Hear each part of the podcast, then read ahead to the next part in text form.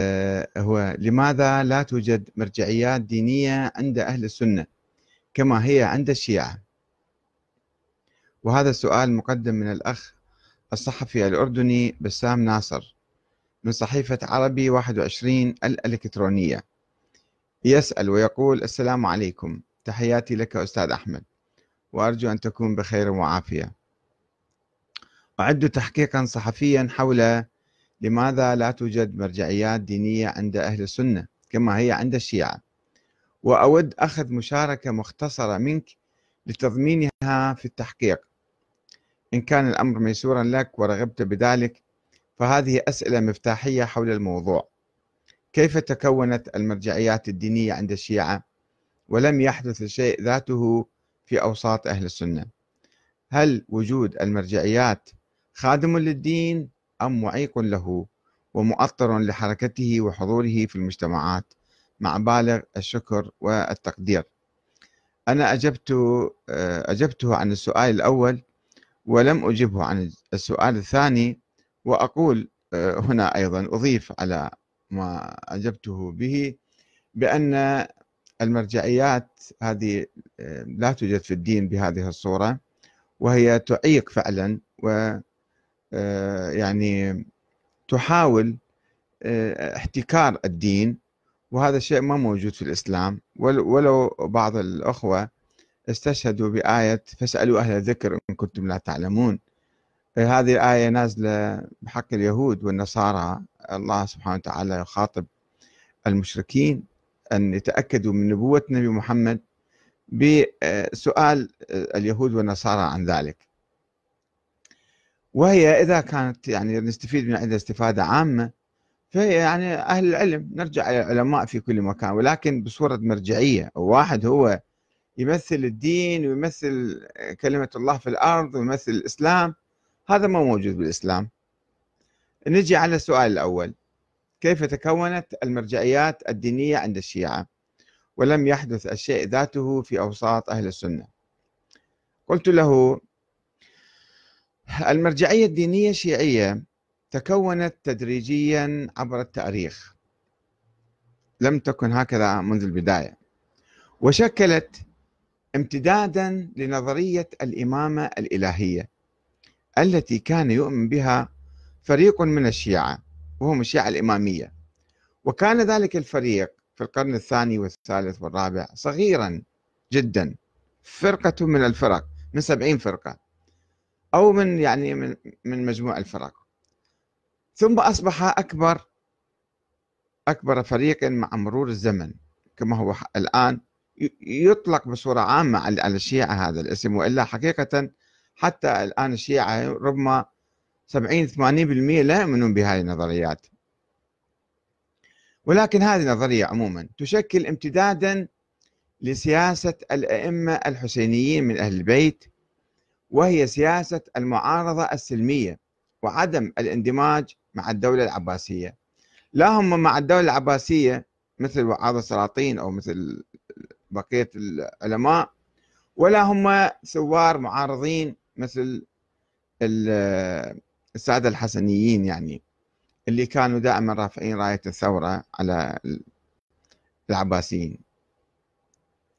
ومن المعروف أن الشيعة الإمامية قد انقسموا في أواسط القرن الثاني الهجري. يعني بعد نشوء نظرية الإمامة بضع عشرات من السنين إلى فريقين رئيسيين هما الإسماعيلية والموسوية. وبينما وصل الإسماعيليون إلى السلطة كانوا حركة سرية ثورية أيضا بعد حوالي 150 سنة استطاعوا إقامة دولة لهم. بعد عدة أجيال يعني من قادتهم. ومن الأئمة السريين لهم. وأقاموا الدولة الفاطمية في شمال أفريقيا في نهاية القرن الثالث الهجري. بينما ذولا وصلوا وصلوا للسلطة فإن الشيعة الموسوية وصلوا إلى طريق مسدود بوفاة الإمام الحسن العسكري سنة 260 للهجرة دون خلف. مما أوقع شيعته في حيرة وانهيار تلاشى هذا الخط تقريبا.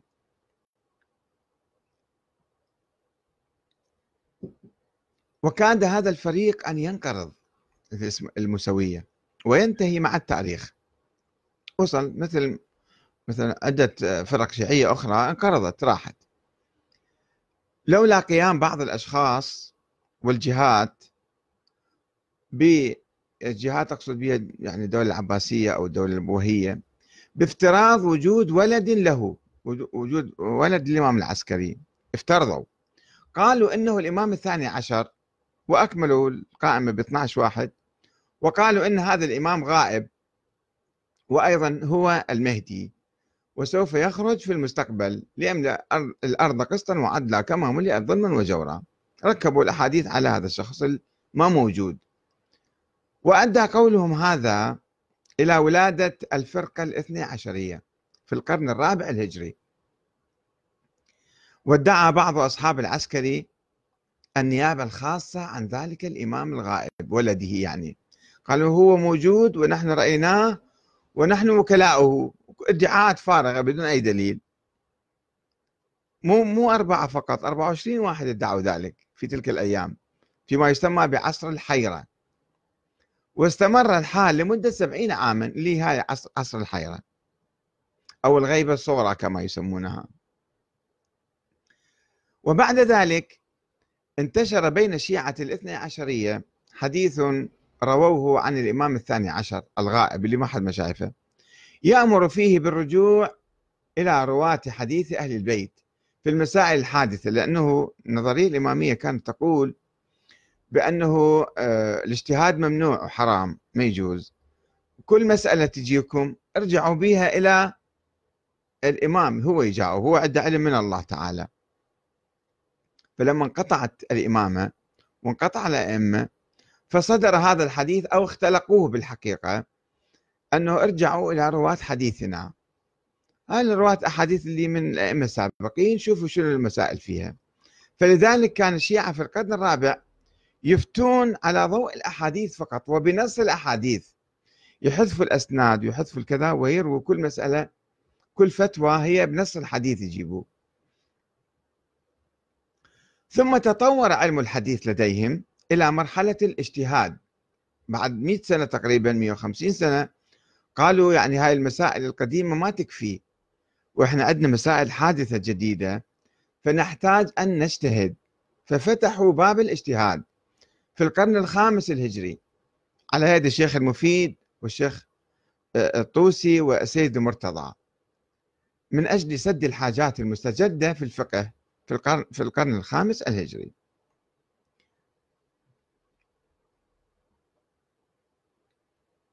وبالرغم من حدوث نوع من التعاون والتنسيق بين علماء الشيعة الاثنى عشرية الشيخ الصدوق والشيخ الطوسي والشيخ المفيد وذولا والحكام البويهيين والعباسيين حتى مع الخليفة القادر بالله العباسي وابنه القادر إلا أنهم ظلوا عموما بعيدين عن التبعية للسلطة مثل علماء السنة. وهكذا نشأت لديهم قيادة علمائية مستقلة عبر التاريخ.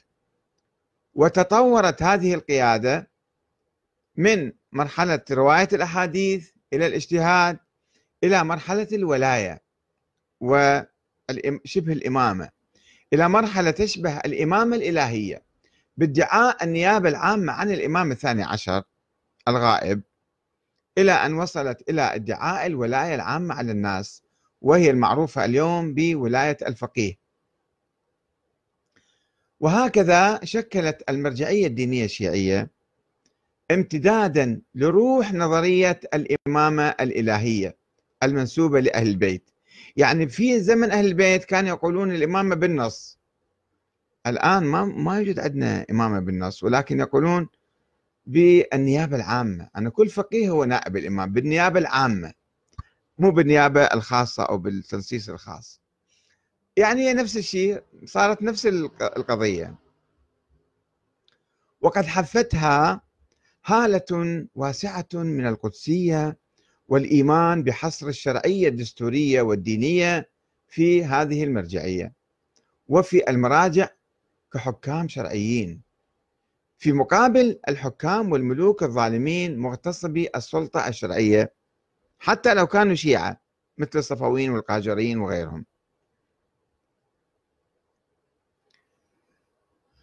ومع أن بعض علماء الشيعة أو كثيرا منهم انسجموا مع الدولة الصفوية والقاجارية في إيران وصاروا يعني جزء من الجهاز إلا أنهم كانوا يملكون مفاتيح الشرعية ويضفونها على الحكام. أو يسحبونها منهم عند الضرورة. يعني هو في جهاز الحاكم ولكنه يعطي الشرعية للحاكم. مثل الشيخ عبد علي عبد العالي الكركي مع آه، الشاه طهماز مثلا. وهذا ما أهلهم لقيادة ثورات عديدة ضد الملوك الشيعة وإسقاطهم حتى. مثل ما الملا الآخند الخراساني أسقط الشاه الإيراني أحمد في مطلع القرن العشرين. ولا سيما أنهم مستقلون عن الملوك ولا يأخذون الرواتب المالية منهم وإنما يعتمدون على الأخماس والزكوات والأوقاف التي يقدمها الجمهور المؤمن المقلد لهم.